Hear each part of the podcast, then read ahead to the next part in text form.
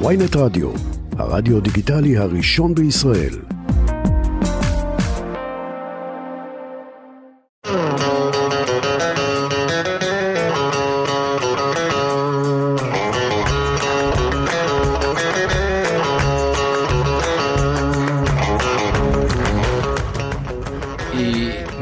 תעשיית התרבות והמוזיקה כבר קרוב ל-40 שנה. היא יודעת הכל מבפנים. היא ניהלה משברים, ניהלה גירושים, ניהלה הופעות גדולות, וכל מה שקשור לאומנים, לזמרים, לזמרות. וקוראים לה רונית ארבל, אה, אשת יחסי הציבור, אולי הוותיקה אה, ביותר שיש כאן. היום היא כבר אה, יועצת אסטרטגית או מנהלת אומנים, תכף נראה מה הטייטל שהיא רוצה לקרוא לעצמה. אה, אז היום אנחנו נעסוק בזה, נביא אתכם אל כל מאחורי הקלעים, או בעצם כמו ה... שהתוכנית נקראת, מחוץ לפריים.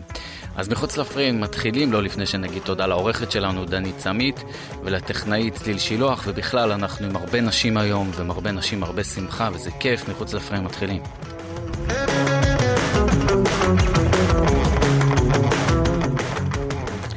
רונית ארבל, מה העניינים? בסדר, רן בוקר, מה שלומך?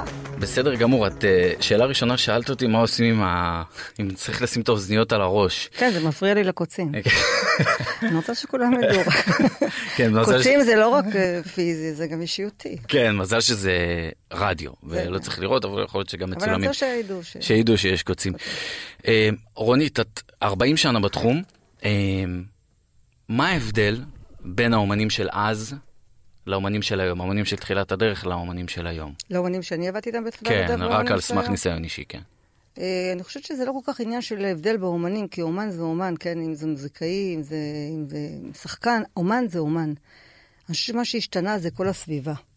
הסביבה היא שונה לחלוטין, גם בעולם התקשורת. דברים אה, שהיו פעם מאוד מאוד חשובים ומאוד רלוונטיים, איבדו מכוחם.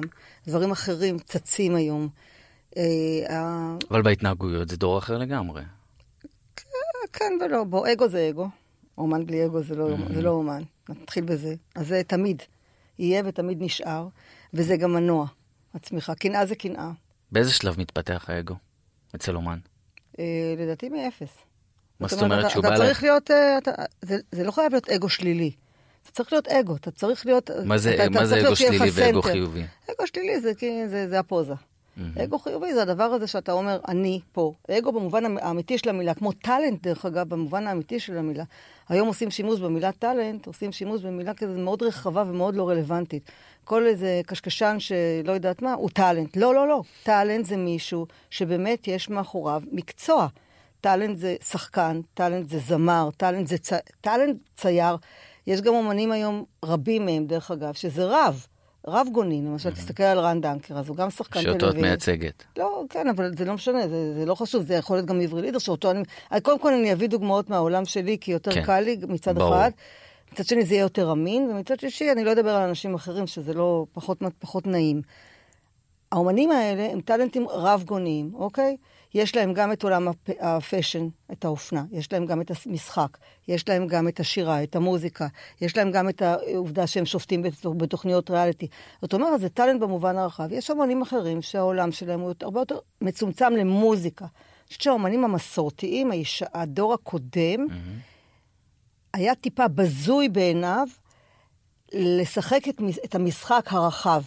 היה יותר נכון. מה זה אומר אני זמר? לא, רואה, אני לא רואה את שלום חנוך או את שלמה ארצי, שזה הדור הקודם המוערך מאוד על ידי, או יהודה פוליקר.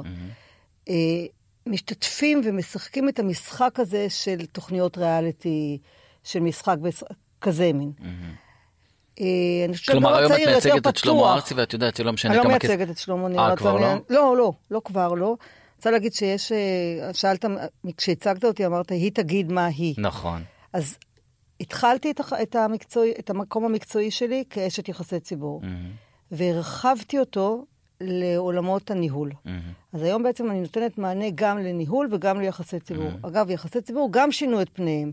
בעבר היית מקבל את הדבר שהמנהל הגדול או מישהו, לא משנה, היו נותנים לך, והיית אומר, זה יוצא מחר בבוקר. זה כבר לא ככה, אתה כבר חלק, אתה שותף למערכת שלמה של החלטות. אה, אז אני חוזרת שנייה לשלמה. אני עם שלמה עובדת רק בתחום יחסי הציבור. שלמה ארצי, כן. כן. שלמה ארצי רק בתחום יחסי הציבור. אני לא מנהלת של שלמה ארצי, לשלמה יש צוות שמנהל אותו, ואני אגיד גם ששלמה מאוד מאוד דדיקטד לקריירה שלו, ובעצם שלמה מנהל את שלמה. אבל הצוות אין ש... הרבה אומנים כאלה, נכון? אה, שמנהלים את עצמם באופן אה, כזה... אה, אה, אולי כן, אתה יודע מה, אני לא יודעת להגיד לך, כי אומנים חרוצים, בסוף אומן צריך לקום בבוקר ולחשוב על עצמו. כן, דיברת אבל על אה, שלמה ארצי ושלום חנוך והדור הזה, שאת אומרת שאת לא רואה אותם משתתפים בתוכנית ריאליטי, לא משנה כמה סכום יציעו כסף לשלמה ארצי, כמה כסף יציעו לו, אולי יעשה ריאליטי. אני חושבת ששלמה כבר לא מעט פעמים התראיין וסיפר שהציעו לו אין ספור פעמים לעשות תוכניות ריאליטי, וגם הציעו לו אי- אין ספור פעמים לעשות אה, קמפיינים מהמם. במיליונים. הוא התראיין על זה, הוא דיבר על זה, גם בפודקאסט שלו הוא מדבר על זה. זה לא במקום שלו, הוא נמצא בו. שלמה, יש לו מקצוע מאוד מאוד ברור. הוא רוצה לשיר, הוא רוצה להופיע. אוקיי, אם בא אליך עכשיו זמר מאפס והוא מתחיל להפוך להיות כוכב גדול, את ממליצה לו להיות רב גוני? או... מאוד. אני ממליצה לו ללמוד משחק. אני ממליצה לו לקחת שיעורי פיתוח קול. למה? והכי- כי אני חושבת שזה חלק מהמקצוע, זה שריר. מה זה קול? זה שריר. אם אני ואתה עכשיו עולים לטלוויזיה, אנחנו הולכים לחדר כושר. לא אני הולכת לחדר כושר יום, זה ידוע. מן הידועות שאני בשש בבוקר בחדר כושר, אבל אני חושבת שהגוף שלך והקול שלך, המיתרים האלה, שהם שרירים בעצם, זה חלק מהמקצוע שלך. רגע, מה, אם עכשיו בא אלייך זמר שהוא מתחיל ומצליח וזה, את אומרת לו, איך תלמד משחק שלוש שנים אצל... אה, לא חייב שלוש שנים. אז מה? האמת שלא חייב שלוש שנים. תדעי לך, את עושה פה בלאגן עכשיו עם מי שכן לומד משחק שלוש שנים. לא, אני לא עושה. מי שלומד משחק שלוש שנים רוצה להיות שחקן. אני חושבת שאומן שמגיע אליי למשרד צריכים להיות לו כלים. הוא צריך כן ללכת לחדר כושר כדי שהגוף שלו יראה טוב, כדי שהוא אחר כך מצטלם. היום, דרך אגב, שאתה אומר, אני אומרת לך, תגיד, ראית את החדש של כן, רק ביונסה? תתקרבי למיקרופון, לא רואים קוצים, אבל צריך לשמוע ראית אותך. את ה... כן. הירידה נחתה מעליי. אה, בקיצור, מה שאני רוצה להגיד זה שהיום, נגיד אני ואתה מדברים, אז מה אתה אומר לי? ראית את החדש של ביונסה? כבר לא אומר לי, שמעת את החדש של ביונסה. לכן אני חושבת שהוויזואליה היום היא, ויזואל, היא דבר מאוד מאוד חשוב. אם הוויזואליה חשובה, אז חשוב גם איך אתה נראה בתוך הוויזואליה. זאת נכון. אומרת שכן כדאי אבל ש... מה זה חש- מה זה קשור למשחק? זה למה קשור. זמר צריך להיות גם... זה, זה קשור כי הבמה היא חלק מפרפורמנס שלם. אז חשוב שתדע איך לשחק. אתה גם נהיה טאלנט, אז מישהו מתקשר ואומר, תגידי, אפשר לשבץ אותו באיזה, בסדרה? וזה, הרי היום הכל בנוי על כמה מובילות, ברוב המקרים, כמה מובילות יש לך במקצוע שאתה עושה. וברור שיפנו לזמר שהוא מאוד מאוד מצליח ומאוד מאוד מפורסם, לשבץ אותו בסדרה, כי זה יוצר עניין. לא, אז... זה אתה- קשור גם ללייקים ולעוקבים באינסטגרם? שמע, כל עולם הלייקים וכל עולם העוקבים אה, הוא עולם חדש שאנחנו לומדים אותו. אני אומרת לך את זה בשיא הכנות, גם עולם הטיקטוק. הוא עולם חדש שאנחנו לומדים אותו. אישית, אני חושבת שמשפיען אמיתי, הוא לא איש שיש לו 100 אלף או 200 אלף עוקבים, אלא ש-40 אלף העוקבים שלו, או 50 אלף העוקבים שלו, או, או 30 אלף העוקבים שלו, מכווני יעד מאוד מאוד ספציפי. זאת אומרת, אם עכשיו יש אימא, אוקיי, שהקימה, או ש- שהאינסטגרם שלה מכיל 30, אבל העצות שלה הן מדויקות לאימהות שכרגע נולדו להם ילדים והן נמצאות במשבר, שהן לא מבינות לאן נעלמו להם החיים, שזה בדרך כלל מה שקורה בהיריון, בלידה ראשונה. אז היא יותר חשובה בעיניי ממישהי שתכתוב שיש לה 150 אלף עוקבים, אבל בעצם האג'נדה שלה היא אג'נדה של בישול. זאת אומרת, אני חושבת שהמשפיענים האמיתיים היום, אז זאת אומרת, זה לא האיכות, זה זה לא זה הכמות, זה התוכן. האיכות. אפילו לא האיכות, זה התוכן. אז יכול להיות ש... יכול... עכשיו, עוד פעם, אני אומרת, אנחנו לומדים את זה. אנחנו לומדים את הטיקטוק, אנחנו לומדים את החשיבות שלו. זה כמו שפעם למדנו את האינסטגרם, זה כמו שפעם למד... הרי הדברים נורא נורא מתפתחים. אני מזכירה לך, רן בוקר, שאני ואתה הכרנו במעריב, נדמה לי, נכון? נכון? נכון. והעיתון היה נורא נורא חשוב, והפרינט היה נורא נורא חשוב, והזה היה נורא נורא חשוב. וערוץ 11, כאן אחת, ערוץ רשות 11, השידור, רשות כן. השידור היה נורא נורא חשוב, ואז פתאום הגיע ערוץ... אבל רגע, אני רוצה להתעכב איתך על הרשתות. את באה ואומרת לי בעצם שרשתות חברתיות, אה, את לומדת אותן, אה, ושמדובר כי אני אומרת בתוכן... לומדת, דרך אגב, הכוונה, אנחנו כל הזמן תוך כדי תנועה, אנחנו כן, מדייקים כל כן, הזמן כן, את הידע ברור, שלנו, ברור, כן, ברור. כן.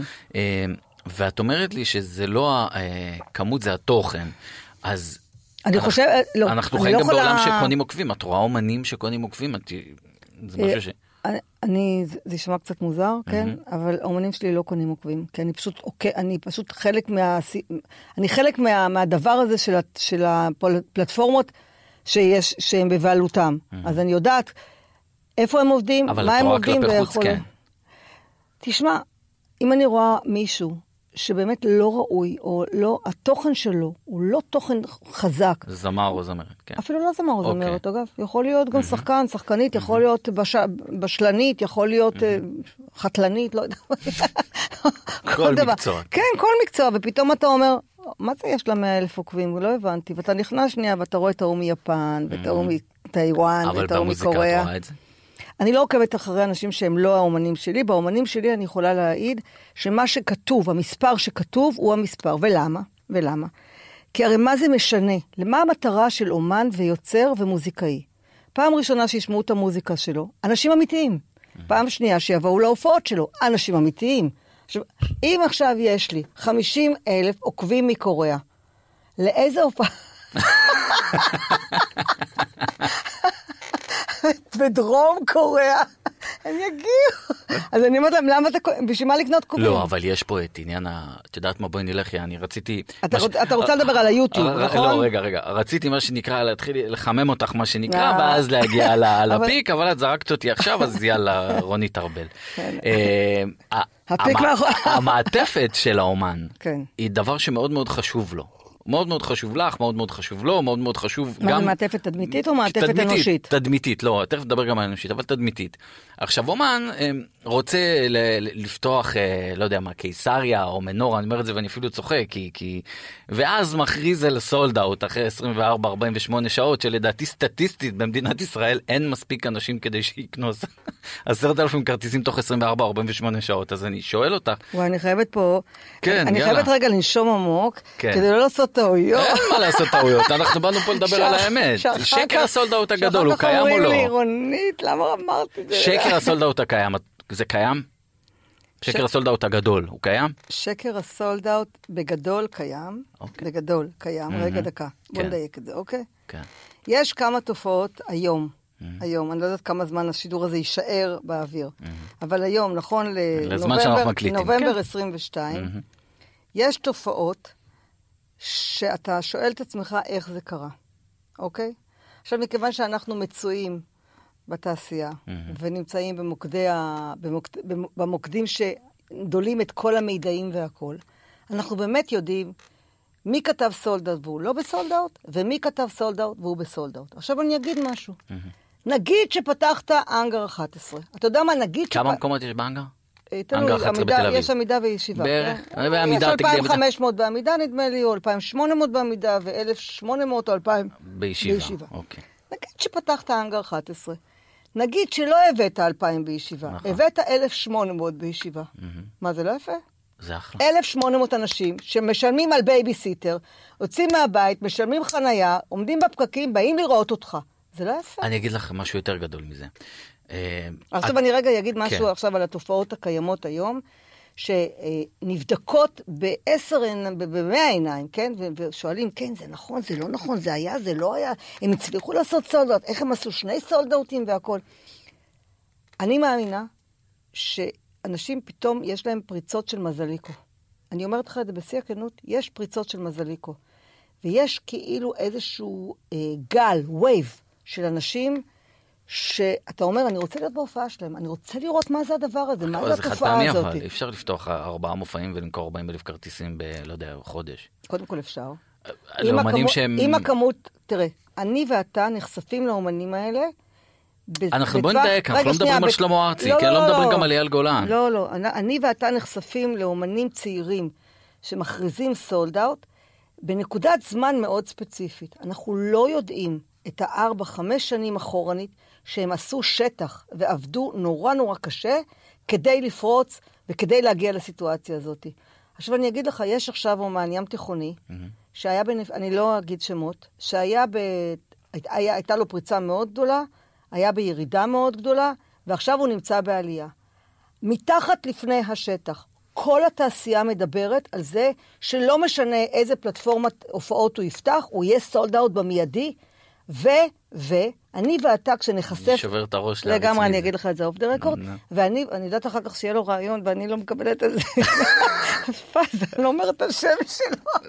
נו, נו, תגידי, תמשיכי, ומי מוציא. חשבונית פה על כן, הפרגון? תמשיכי, אז, אני ואתה נחשף אליו, כשהוא פתאום ירים מנורה, או פתאום ירים לא יודעת מה, ואנחנו נשאל את עצמנו, what the fuck, איך הוא עשה מנורה? זה בטוח הוא לא בסדר. טוב, בוא נחדד את השאלה שלי.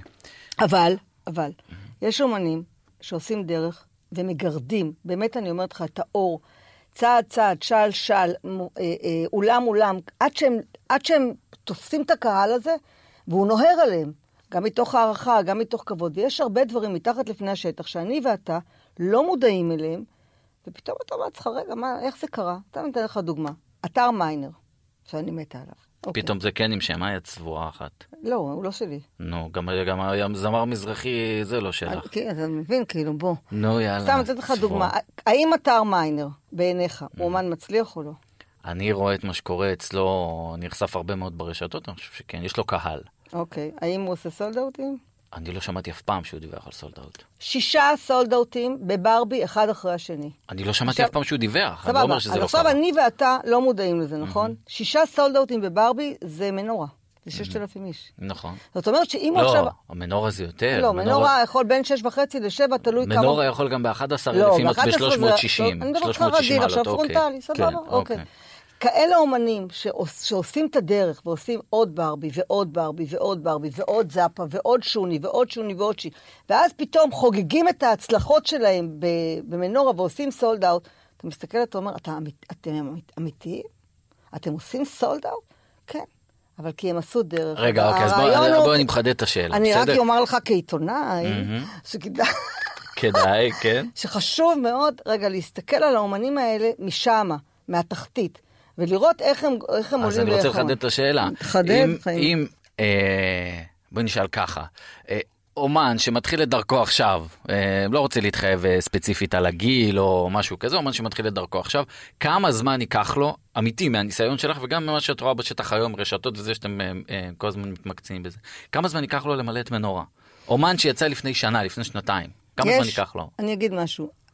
אני אגיד משהו יותר רחב, כי זה חשוב נורא, כי אנשים בטח יקשיבו לזה. במרוקאית אומרים בר- חואפה, את יודעת מה זה חואפה? לא. פחדנית, נו. לא, לא. בוא נראה עם הדברים הרחבים. יאללה. לא, אני עוזבת מקום, עוזבת את האולפן כאן ועכשיו. לא, לא חואפה ולא מואפה. אני אגיד לך רגע משהו. בגדול, בעיניי, וגם בעולם, יש את תיאוריית חמש השנים. שאומן מהרגע שהוא יוצא, אם הוא חרוץ ואכפת לו, והוא לא עובר משבר באמצע ולא ולא ולא ולא ולא, בתוך חמש שנים, מה? בתוך חמש שנים, זה יקרה ובגדול. זה תיאוריית החמש שנים. עכשיו, חמש יש שנים. אומנים, כן. עכשיו, יש אומנים שקורא להם הנס, וזה לוקח יותר זמן, פחות זמן, ויש אומנים שזה לוקח להם יותר זמן. יש אומנים שפתאום זה מתפרץ להם ונהיה נורא נורא גדול, ואז הם שוקעים לאיזו תקופת זמן מסוימת, ואז הם פתאום קופצים חזרה למעלה. זה נורא נורא תלוי. אין חוקים, אין חוקים. החוק היחיד בעיניי בתחום שלנו זה חריצות. אם לא קמת בבוקר ועבדת במקצוע שלך ועבדת בעצמך והבאת שיר והוא לא הצליח, והבאת עוד שיר והוא לא הצליח, והבאת עוד שיר ואז הוא מתחיל להצליח ומתחילים להעריך אותך, אבל תגידי, למה לדווח על סולד אאוט כשזה לא נכון? את בעצמך אמרת שיש דברים כאלה, למה? מה זה נותן? אה, יש, יש אה, אומנים ומנהלים שחושבים שעולם הסולד אאוט הוא התכלית, הוא תכלית הכל. אני חושבת אחרת. אני חושבת זה- שהדרך חשובה מן מה ה... זה, מה זה, מה זה נותן? מה, מה הוא חושב לעצמו? פוזה?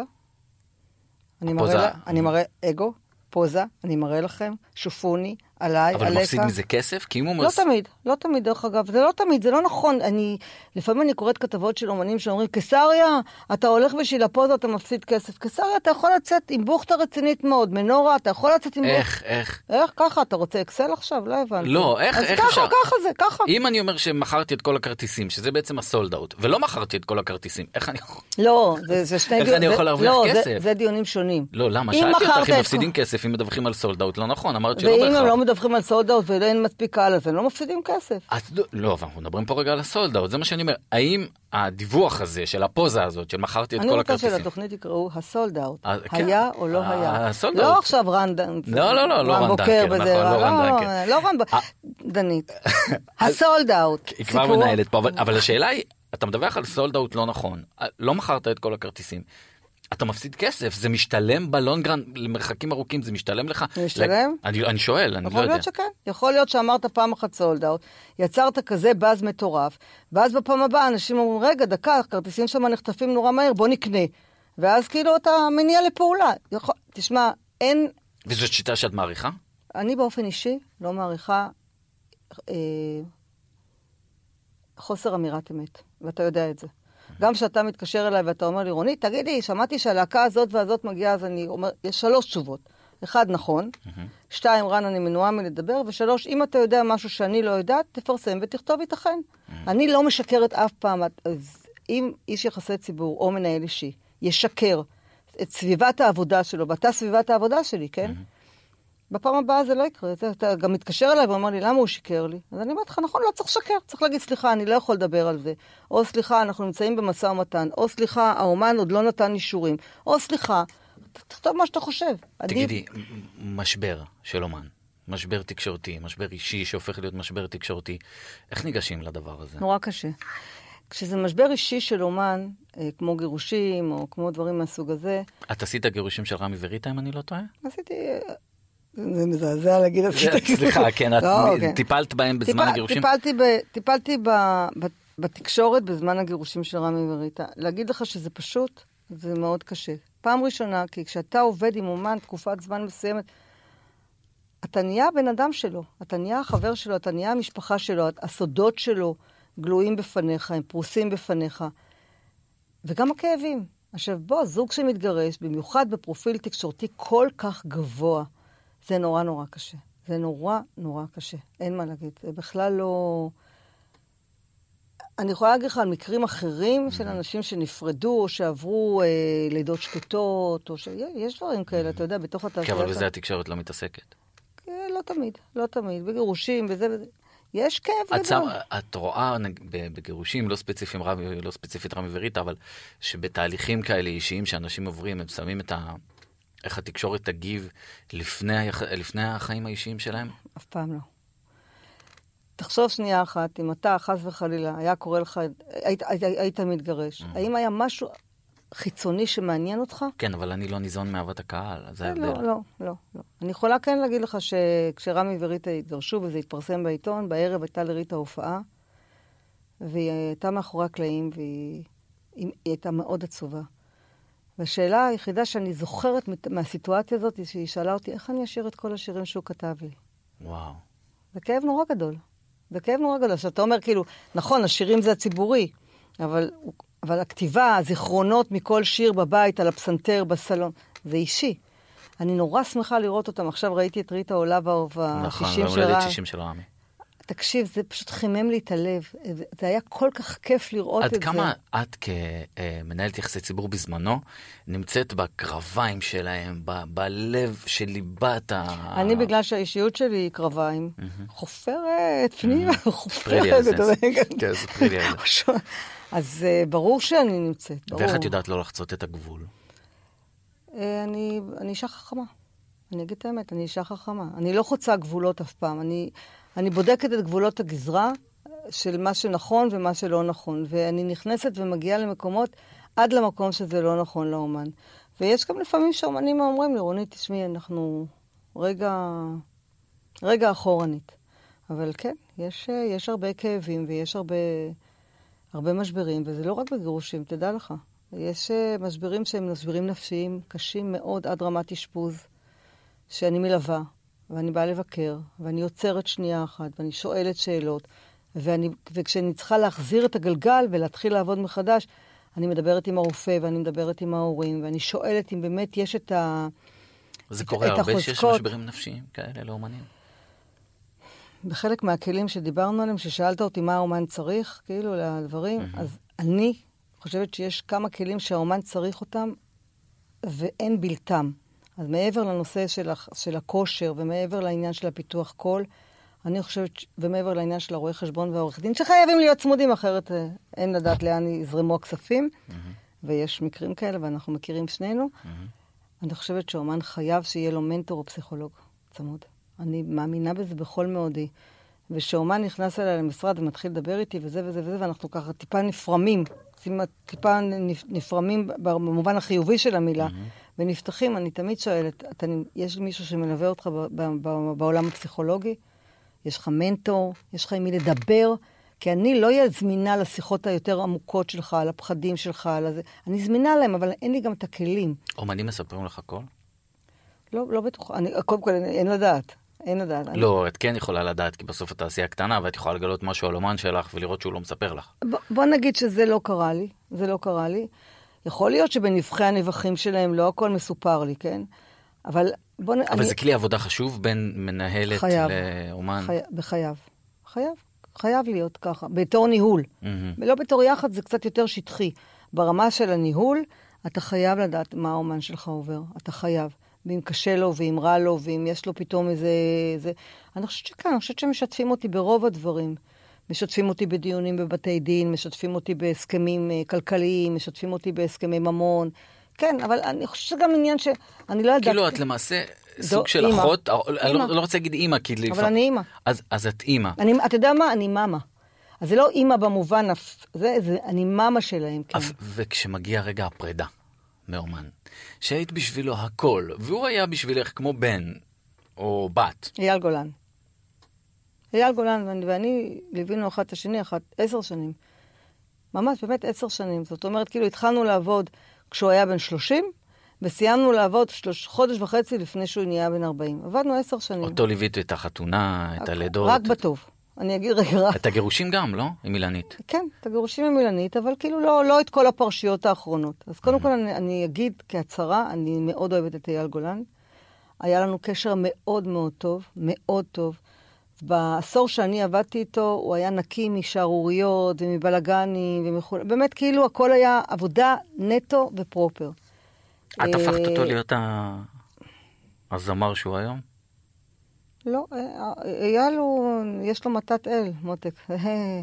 אלוהים הפך אותו להיות הזמר ש... okay. שהוא אוקיי. היום. אה, מה שיש לו, מה שיש לו עבודה... פה. אבל עשר שנים של עבודה, ממקום שהוא בדיוק נפרד עם אה, ישי בן צור, עד למקום שבו הוא פגש את מוטי גמיש ואת בני פרץ. בני פרץ, כן. ואז ו... הוא עזב אותך. ואז הוא עזב והלך לניהול שלהם.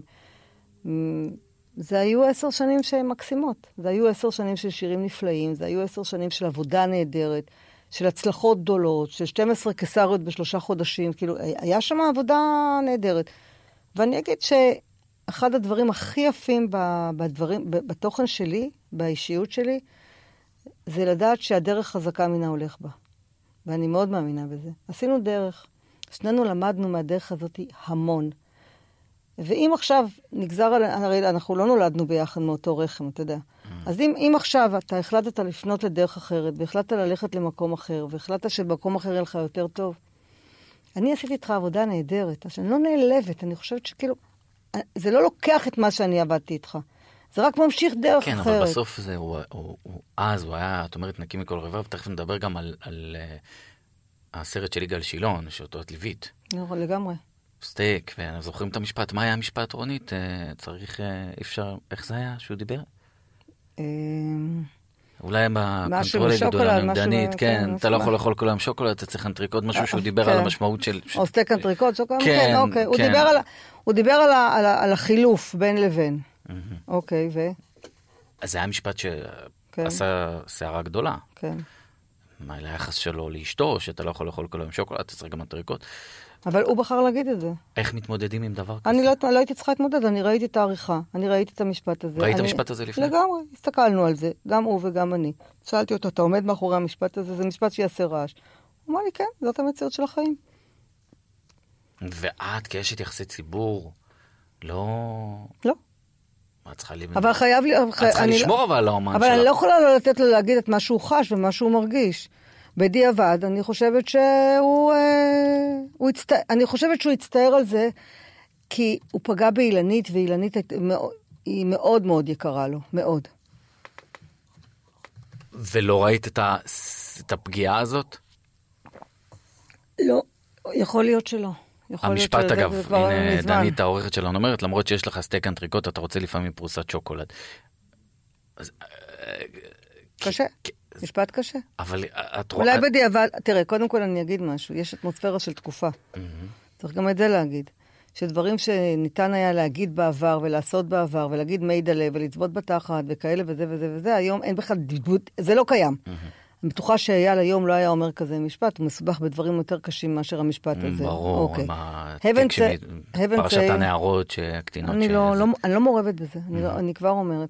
בתקופה שלי אייל גר בבית ליד אימא שלו, וטיפל בילדים, והיה חבר טוב של אילנית, וזה היה עוד לפני הנישואים גם לרוסלנה, כאילו... הרבה, זה היה בתקופת הגירושים של אילנית לוי. כן, אבל גם הגירושים האלה, הם היו כל כך יפים, כל כך נעימים.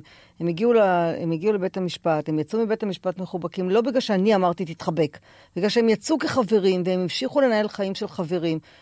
והכל, תשמע, זה עוד פעם אני אומרת, זה תקופות אחרות, ואני לא חושבת שהדיון הזה צריך, כי אנחנו לא יכולים רק לדבר על אייל, אבל אני כן אגיד ב- ב- בהקשר של אייל, היום הרבה אנשים בכלל לא זוכרים שעבדתי איתו.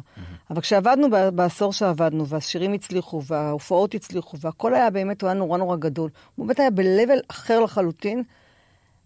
אני, אה, כשהוא בא להגיד לי, תשמעי, אני, אני חושב שאני רוצה לעבוד עם איך בני-" זה היה? קחי אותי לשיחה הזאת, של מה? שהוא מודיע לך שהוא נפרד ממך. לא, הוא אמר לי, תשמעי, פגשתי את אה, בני... איפה? מה? תכניסי אותנו, בואי תני למאזין לא לדמיין. אני, אמיתי, חרטא. אמיתי, לא, לא כל חרטא, תקשיב, אתה יודע כמה אמנים. אני זוכרת שאני ואייל ניהלנו שיחה. הוא אמר לי, כן. אני ואייל גולן, ניהלנו שיחה, והוא אמר לי, תשמעי, אני נורא נורא רוצה לעבוד עם בני פרץ, בני אומר שאני יכול לעשות אותי איש ככה וככה וככה וככה. מה זה איש ככה וככה? לא, לא, לא, לא בפרטים. איש עשיר? לא יודעת, לא משנה, איש ככה וככה, ואני חושב שאני רוצה לחבור אליו, את חושבת שתוכלו לעבוד ביחד? אמרתי, אני חושבת שלא.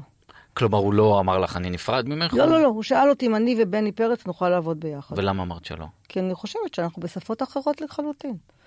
בחשיבה אחרת לחלוטין, במיתוג אחר לחלוטין. אני אמרתי לבני שטוב שם טוב משמן טוב. ובני אמר לי, השמן הוא הכי חשוב. תלוי מי שזה. אבל אה, אתה מבין, אתה מבין את ב- כן. בשמונה שנים האחרונות, על על הטיפול התקשורתי בפרשה של אייל לא, גולן. אני לא רוצה להגיד שום דבר על הטיפול התקשורתי באייל. אייל בחר את האנשי צוות שלו, ואם... היית יכולה בטוחה- לעשות את זה אחרת? היית יכולה לעשות את זה יותר טוב? לא יודעת, לא נכנסתי לזה. אני אומרת את האמת, לא נכנסתי לזה. אייל גם לא פנה לשאול אותי, כאילו, מה, מה, מה לפי דעתי צריך איך, לעשות. אבל אתם הייתם כל כך קרובים, ופתאום אבל, יש אבל ניתוק כזה. סייע, זה לא ניתוק, דרך אגב. אני ואייל, כשאנחנו נפגשים, זה חיבוקים ונשיקות, וכשהוא עשה את המופע הגדול שלו ב... בלומפילד? בבלומפילד, אני באתי, הוא הזמין אותך? לא, אני באתי למאחורי הקלעים, אני נכנסתי לחדר הלבשה שלו, ואני חיבקתי אותו ונשקתי אותו, ואמרתי לו, אתה חוגג כאן שלושה עשורים, אני עשור אחד. וואו. אני הולכת לראות את ההופעה, הוא נורא התרגש, התחבקנו, התנשקנו, והלכתי אבל לראות מה, את הנה, ההופעה. הוא- הוא לא הזמין אותך, ובכל זאת הלכת, איזה מקוחה, גם זה במרוקאית, זה חזקה. כל התוכנית היא במרוקאית, היא נעה לעולם. לא, באמת. אין לי מילים במרוקאית, הייתי לא, צריכה אבל- להביא, תשלחי לי אבל- פה מילון למרוקו. את יודעת, צריך אה, חתיכת... אה, ביצים. לא ביצים, ביצים זה של גבר, את אישה, את אישה חזקה, לא ביציות. אבל מה שאת רוצה. רוב ביציות, רוב של ביציות. אני כדי אישה ללכת לבן חזקה. אדם שבא ואמר לך אנחנו נפרדים, הוא בחר כאילו, מה לא בחר- קשור? אה, עבדתי עם שלומי שבת, נפרדנו, אני אפילו לא זוכרת למה. מה אתה חושב, שלא הלכתי לקיסריה שלו לראות אבל וחיבקתי פה הוא לא הזמין ונשקתי אותך אותו? בכלל, אף אחד לא. מזמין אותי, אני הולכת, אני לא רואה ממטר אף אחד. אכפת לי, מזמינים אותי. תגיד, אני רונית ארבל, אני באה לאיפה שבא לי. מה זאת אומרת? כאילו, לא הבנתי, למה צריך... זה לא שעכשיו אני צריכה הזמנה, אני נכנסת בשער, השומר אומר לי, הצלמים עוד לא הגיעו. אני אומרת לו, אבל זה לא הופעה שלי. אמיתי, סיפור אמיתי, אני, מגיעה להיכל התרבות לבקסטייג', אני נכנסת ואומרת, אהלן, מזהים מה אותך העניין? גם ברמת השומרים? כל? השומרים, כל המאבטחים, הכל. אני יכולה להגיע לפארק הירקון נגיד, וזה, ואמרו לי, רונית, למה מפה? תיכנסי מהבי- מהגולדן. אמרתי לה, לא, אני רק באתי להגיד שלום לסאונדמן. אבל את תגידי, את אף פעם... אני, חושב שאת עברת איזשהו תהליך בשנים האחרונות, ש... אה, את יודעת מה בעצם אני לא יודע להגיד, שנים האחרונות אני לא יודע להגיד תהליך, כי אני לא, לא הרבה זמן כאן כדי אה, להגיד את זה, אבל אני... כמה אתה? אה, 33. 64. של- של- חיים שלי, בוא, הייתי יכול ללדת אימא שלך וללדת אותך בגיל מאוחר. נכון, אבל את כאילו, את בפרונט, נכון? לא. הנה, אנחנו פה, מדברים. טוב, התחננתי שתסביר אותי, אמרת לי, אני לא בטוח, אני לא יודע בלוח זמנים, יש לי עוד מלא מלא ברשימה וזה, אה, התפנה לי יום, תבואי.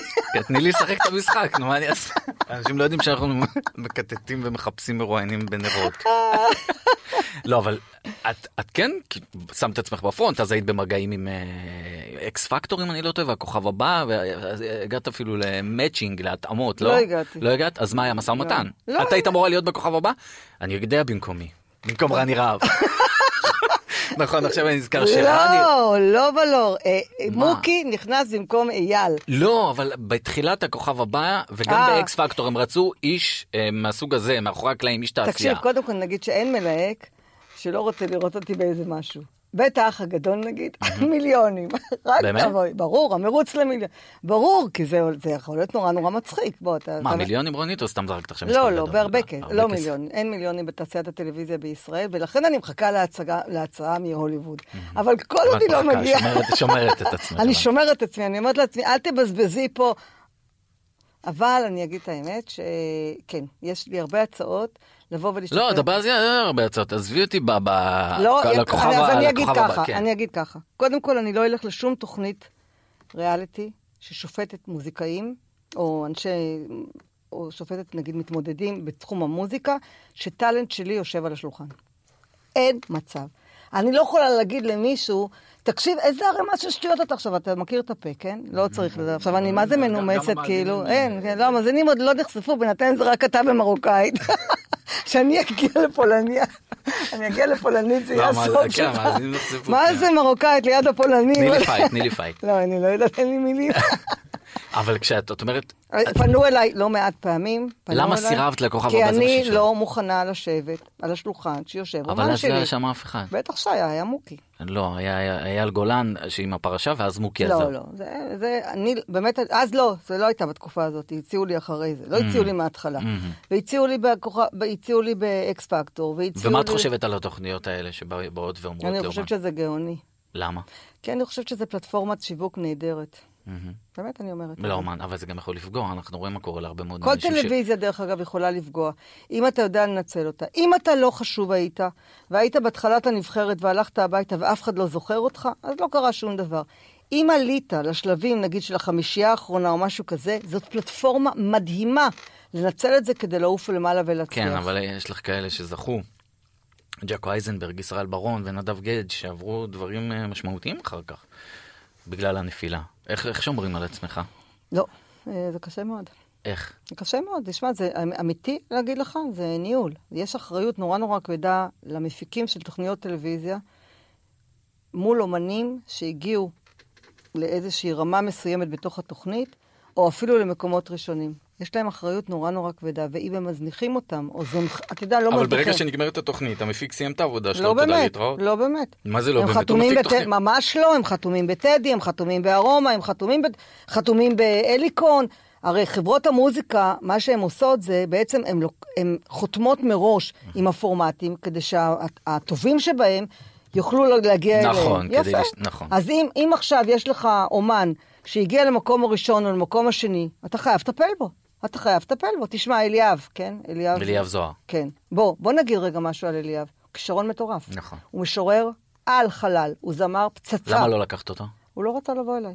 הצעת לו? לא, הוא לא, כאילו לא... הוא לא- לא, לא כל אחד רוצה לבוא אליי. צריך להגיד משהו, הוא חתום בטדי, הוא חתום בזה, אתה יודע, כאילו לא... לא תגידי. יש אומנים שפונים אלייך ואת אה, מסרבת? אמ, יש, כן. יש אומנים שפונים אליי ואני מסרבת. יש אומנים גם אם זה הרבה כסף, נכון? זה לא, קודם כל התעשייה שלנו זה לא אה, ברמה של, אה, של חו"ל, כן? זה, זה תעשייה בסדר, כאילו את לוקחת ריטיינר כל חודש, זה הרבה לא, כסף. אז זה לא, הדיון הוא לא כספי. בסוף אני צריכה, וואלה, אם אני עכשיו זמר, אין לי כסף לבוא לשלם לך, את לוקחת אותי? מאמינה בי, לוקחת אותי? בך באופן ספציפי, אני רוצה לא, רגע לשאול. אבל לא, עכשיו אומן בא אלייך. ראית את אה, יוסי בניון של הם המוזיקה. שולחים לי, הם קודם כל שולחים לי חומרים, דבר שני, יש לנו איזה פולים כאלה של אנשים שמדברים איתך, אוקיי? שמע, היה אתמול, ראיתי אומן פצצה בברבי. יש עכשיו בחורה חדשה שקוראים לה שיר אזלוף, שהתחלנו לעבוד איתה לפני חודש וחצי, אוקיי? זה היה לי רק עניין של זמן, עד שתדחפי פה שם של אומן. נו, שלך. אז בא אליי אסף דרעי, שהוא היה מנהל של... אה, אה, הראל סקאט וקרן פלס. לגמרי, כן, ואמר לי, רונית, תקשיבי, הייתי בברבי, ראיתי בחורה מפחיד. מהמם. מפחיד. אמרתי לו, בוא ניפגש. הביאה חומרים, מפחיד. תקשיב, סבבה, הנה, לא נדבר מפחיד עליה זה יותר. מעולה, כאילו. מדהים, מדהים, באמת וואלה. מדהים, באמת. עכשיו גם בחורה אמיצה. רגע, שנייה, היא עולה לבמה מהברבי הנה. לבד? היא שרה בברבי לבד? היה, יש בברבי ערבים כאלה של אה, תגליות. מהמם. של תגליות, שבאים, הם באים מלוונטין, הם באים מהתדר וזה, ואז שאול חס עושה וחלילה פה... לא ממקום אחר בארץ, מלוונטין, מהתדר, הכל בתל אביב. לא, כן. לא, ממש לא. פשוט אוקיי. אני לא מכירה את המקומות שלי. יש גם ברעננה, ברמת גן, בגבעתיים, בחולון, בבאר שבע, בקריית גת, שבע יש בית היוצר, בדימונה, כן. בטבריה, בבית שאן, כן, כן. בכרמיאל, למעלה. למטה, מכל... יש עירי שלא אמרתי אותה? כן, לא. אילת, אילת, שאני מאילת, אוקיי. נכון. הם מגיעים ל- לכל מיני אה, ערבים ששאול מהברבי, שהוא איש יקר מאוד, אני אגיד, שמטפח מאוד אומנים צעירים, והוא נותן להם במות, וכל אחד מביא 50 איש, חברים שלו, וזה וזה וזה, ויוצרים ערב של 1,000-1,200 איש. ואסף הגיע לערב כזה. אמר לי, תקשיבי, את חייבת לשמוע אותה. היא שלחה, היא הביאה חומרים והיא עשתה השמעה. קלטת שיש פה מישהי שהשיח שלה במוזיקה הוא פני הדור. פני הדור. מדברת על דיכאונות ומדברת על ההורים שאוכלים לה את הראש, ותלכי ללמוד, ותלכי זה, ותעשי ככה, והחברות שמפטפטות ומדברות, ואותה זה בכלל לא מעניין. תקשיב לשירים. שולחת לך מחר סט שירים. ורעיון, אה, בואי נסגור את זה, דנית, עכשיו אנחנו סוגרות את הרעיון, וראשי בווייד, אוקיי. בקיצור, אז אתה אומר לעצמך, רגע, דקה, זה נורא קשה לעבוד עם אומן חדש, זה דרך שאתה חייב לסלול ולגרד אותה, ומבין כל האנשים שמגיעים, אתה אומר, איתה אני סולל. סבבה, מעניין אותי לסלול איתה את הדרך. יש בחור, יש, אגב, במשרד שלי כרגע, שלושה כאלה, שאני נמצאת איתם בתהליך של הפריצה הראשונית בכלל. מהמם. אבל לא ענית לי על השאלה, זה מדהים. שאלתי אם בא אלייך אומן או זמרת חדש. לא. טובים? לא, טובים, טובים, טובים מאוד, ושאין להם כסף שלם לך את הריטיינר. לוקחת או לא לוקחת? לא לוקחת. תקשיבי. בת זונה. אני לא אמרתי את המילה, אבל- תקשיבי. לא לוקחת. אני גם... קחי לו אחוזים אחר כך. חיים, אני ביזנס. בסוף, בסוף, בסוף, אני ביזנס. בסוף, אני אז ביזנס. גם שאמרת לי שאת היית הפסיכולוגית שלהם, וליווית אותם בגירושים ובפרידות וזה, בסוף הכל קר זה ביזנס? לא, זה לא קר, זה חם. לא, אה, ביזנס חם. יש פה ביזנס, תקשיב, אומן שלא יכול לשלם לי, זמר שלא יכול לשלם לי, אני לא אעבוד לא יודע, איתו. אם את לוקחת x פלוס 10, והוא יש לו x אה, פלוס 2, עדיין, לא תקחי אותו? שלוש ארבע אני לוקחת. איקס יואו, שלוש ארבע אני לוקחת. את רואה, זה הנאיביות שלי, עדיין אני נאיב. אני- מאמין לפעמים בסינדרלות. אז תקשיב, אם יש סינדרלה יוצאת דופן, אה, אה, אל לא תנסי לתקן את לא התדמית. אמרת לו, אמרת לו. לא, לא, אבל גם לא קרה לי, אני אומרת האמת. אה, לא, בסדר, אמרת לו. אבל אם אתה בא עכשיו, אתה פורץ בזה. אבל עם האוטוטיון, שמשנים את הכל בהופעות. כן. אמ, אני רוצה לשאול אותך על, אה, את רואה, קטעת לי- את החוט מחשבה. זו אני, קוטעת. כן, ממש, קטעת לי את החוט מחשבה. קטנית. 1987, אני לא אלך איתך אחורה, למאזינים הקצת יותר אה? מבוגרים ומבוגרות שלנו, עפרה חזה. את מנהלת אותה, ניהלת לא, אותה. ממש לא. אז תעדכני את האתר שלך. לא, אני לא כתבתי שניהלתי אותה. כתוב עפרה חזה 1987, עפרה אולי חזה, יחסי אבל ציבור? יחסי ציבור. אה, בסדר, יחסי ציבור. רן, תתעדכן שאתה קורא דברים וזה, לא, אני הפל- לי שבתחקיר אתה תשים לב, כן, מה נסגר? אני אפטר עכשיו את התחקירן ותחקירן. כן, שזה אתה אה, בעצם. שזה אני. אה, אני דרך אגב רוצה לדבר אחר כך עם העורכת שלך, מה קורה כאן. אה, כן, תספרי לי? קצת על עפרה חזה, על העבודה איתה בתקופה ההיא. אה, היית מנהלת יחסי הציבור אני יכולה שלה. להגיד לך משהו על עפרה חזה? זה. בכלל לא הייתה עבודה מולה. מה זאת אומרת? זה רק בצלאל. זה, זה דור שהמנהלים אה, בזמנו, בכלל, המנהלים של המוזיקה הים תיכונית, כן? לא נתנו לך בכלל להתקרב לאומן. זה הכל דרך בצלאל. זה השיר בצלאל אלוני, שהיה המנהל בצלאל שלה. אלוני, כן. אה, בצלאל ניהל את הכל, הוא לא נתן בכלל להתקרב לאומן. לא הייתה לך אינטראקציה איתה? כאילו לא כמו שיש לך נגיד עם עברי לידר היום? וואלה. כן. ניהלת יחסי ציבור של עפרה חזה בלי לדבר איתה. אתה יודע, כאילו, לא שהיא לא ידעה שאני לא עובדת איתה. לא, אין אבל בעיה, אבל כן, ניהלת יחסי בצלאל ציבור ש- אלוני הביא את השירים, אמר, זה השיר שיוצא, זה האלבום שיוצא, זאת ההופעה שיש, זה אבל אנחנו את ניהלת נוסעים את יחסי לחו"ל. הציבור של עפרה חזה כן, בלי לדבר איתה? בלי לדבר איתה. אגב, יש היום אומנים ומשרדי יחסי ציבור, שאתה שואל, דיברת עם האומן? הוא אומר לך, לא, דיברתי עם המנהל. מהמם, אוקיי, זה מלמד גם משהו על האמינות של הדברים. אה, אתה ממלמל לעצמך את הדבר? כן, לא, לא, מי שהבין, הבין. אה, אנחנו תכף מתקרבים לפני סיום, לא זה תאמיני. לא טוב שאנחנו מסיימים, נכון. אנחנו צריכים שתי תוכניות. דנית, נכון, תרשמי, נעשה- למחר אני נעשה- רוצה נעשה לבוא גם. ספיישל. אה, לפני הבחירות, אה, פרסם עברי לידר פוסט באינסטגרם שלו, שהוא דיבר על הדאגה שלו. אה, איזה מקריות שאתה שואל אותי את השאלה. נכון, לא דיברנו על זה בכלל. בכלל לא, רק כל יום. פרסם עברי לידר שהוא מוטרד מהמחשבה שאיתמר בן גביר והמפלגה עוצמה יהודית, שהם אה, הביעו את דעתם כלפי הקהילה הלהט"בית, אה, ייבחרו. בא איתמר בן גביר, אגב, אה, עברי לידר, אם אני לא טועה, באותו פוסט גם הזמין אותו לדבר, נכון? אמר לו, בוא הזמין נשב... אותו לארוחת בוא- ערב של יום בוא שישי. נעשה ארוחת ערב. בא איתמר בן גביר, חבר כנסת, אמר לי, עברי, אני עסוק בבחירות, נדבר אחרי זה. מתי הוא אמר לו את זה? אה, הוא הגיב לו בפוסט. הוא אמר לו בוא נשתה בירה. אה, בסדר, לא משנה, אותו דבר. עברו הבחירות, אנחנו היום כבר קצת יותר משבועיים אחרי הבחירות. הניסיונות של איתמר בן גביר לפגישה אה, לא יצליחו. למה? אין לי מושג, ממש אין לי מושג. יש לך מושג. למה? למה? אין לי טיפת מושג, באמת אני אומרת לך, זה- לפי דעתי זה התחיל ונגמר בפוסט. איתמר בן גביר לא ניסה להיפגש עם עברי לידר? כי אני יודע הוא שכן היו כתב, הוא ניסיונות. כתב שהוא רוצה... אז. למה- אז למה לא? לא יודעת, אני באמת לא יודעת, אין לי מושג. אין דבר כזה שאת לא יודעת. אני אומרת לך, אין לי טיפת מושג איך לענות לך על את- השאלה את הזאת. יכולה להגיד לי שאת יוצאת מפה ומרימה טלפון לעברי לידר, כי עברי דיבר על ארוחת ערב. שוב, זה שני... זה- זה קיצון לשאול. את עברי מה לבשל? לא? לא, לא, לא, אני באמת? אומר, כי עברי עשה פוסט מאוד יפה של שיח, ושל בואו רגע אני נדבר. מאמינה, אני אענה לך על זה בגדול. כן. אוקיי? אני מאמינה שתהיה פגישה. את מאמינה שתהיה פגישה. כן. אבל אין לי מושג. את חושבת שתהיה עכשיו פגישה? מתי תהיה אין לי פגישה? מושג, אני מאמינה שתהיה פגישה, אבל אין לי מושג. אה, רונית ארבל אמרה לפני, אני יודע, כמה זמן? עשר דקות? עשר דקות, כן. אמרה, האמת נר לרגליה, לגמרי. אין אצלי... אני אה, אמרתי, אני מאמינה אה, שתהיה אמרת- פגישה, אמרת שאין לך לי מושג מושג. בהתחלה, יש לך מושג. אין למה לי אין מושג פגישה? מתי תהיה הפגישה. למה אין עכשיו פגישה? לא יודעת, אין לי מושג. אבל אמרת שהאמת נר אבל אני לרגליה. אומרת לך, נחזור שנייה על השאלה. מתי הם ייפגשו? לא, אני שואל למה, אין- מאמינה- למה, למה הניסיונות של איתמר בן גביר לא, לקבוע פגישה אני- עם עברי לידר לא צלחו? קודם כל אני- עברי היה בחו"ל תקופה, כמה ימים, זה אנחנו יודעים, נכון? לא, למה אין פגישה? רגע, דקה, תעצור שנייה כן. אחת.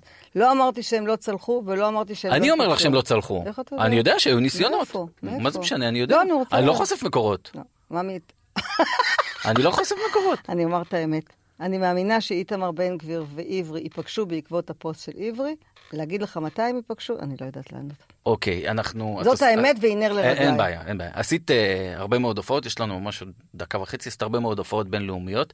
את יכולה לתת לנו רמז מה צפוי לנו ב-2023 בקיץ? בטח, איזה שאלה, תרשום. הנה, מה ותרשום. כן, תרשום, אה, תרשום. לא, אני אתה. רוצה את זה ב-ABC או? אני מקליט, את יכולה, יהיה קיץ, יהיה אני הרבה- אגיד הרבה הופעות. אני- יש דברים סגורים מעכשיו ל-2023? אני אגיד רגע משהו באמת חשוב על ההופעות הבינלאומיות, כי כן. בעיניי זה מאוד חשוב. מהמם. העבודה להופעות הבינלאומיות היא עבודה מאוד קשה, מאוד מאוד קשה. היא מתחילה בעולמות ה... איזה אומן מסכים לבוא לישראל ואיזה אומן לא מסכים לבוא לישראל. היא ממשיכה בעלויות המאוד גבוהות של אומנים אל מול ישראל, למרות שעכשיו הסכמי אברהם מאפשרים לנו לעשות לנו, את אומרת, את אה, מייצגת את Live Nation, את עובדת כן, איתם, אבל לא? רק Live Nation, גם אה, גד אורון. אני אני עובדת עם ה... ה- מהמם. אני פשוט מבינה בתוך הדברים, אני יכולה להגיד לך, זה מאפשר להביא אומנים שבעבר היה קשה להביא אותם, כי הסיבוב הוא סיבוב מזרח תיכון, ויש בו את דובאי, ויש בו את אבו דאבי, ויש בו את האמירויות וכולי, אז כאילו יותר, טיפ-טיפה יותר קל. אה, אנחנו יצאנו משנת קורונה מאוד פצועים, מאוד. אה, כל התעשייה הבינלאומית, וגם התעשייה הישראלית יצאה מאוד מאוד פצועה. זה היו שלוש שנים, שנתיים וחצי מאוד מאוד קשות. זה לא, זה לא מהתקשורת שכאילו אללה באללה, כן? אנחנו באמת יצאנו מאוד פצועים, וכל אחד מאיתנו, השנה, אני חושבת, גירד במידה רבה את הפצעים. ויחד עם זה, אני אומרת שנעשית עבודה מאוד אינטנס... שמו לנו שיר ברקע. בק- זה בקיצור... כמו באוסקר, אלוהים! כי- כי- לא, אבל- יהיה, יהיה, יהיו פה סורי, הרבה הופעות. סורי, thank you for my mother, יהיו my פה הרבה הופעות father, my best ב-2023? friend. יש דברים סגורים ל-2023? יש. יש? בסדר, תגידי אבל לי אחרי עכשיו זה. הייתי רוצה להגיד, אבל נגמרה התוכנית. תגידי לי אחרי זה, יאללה, איזה באסה.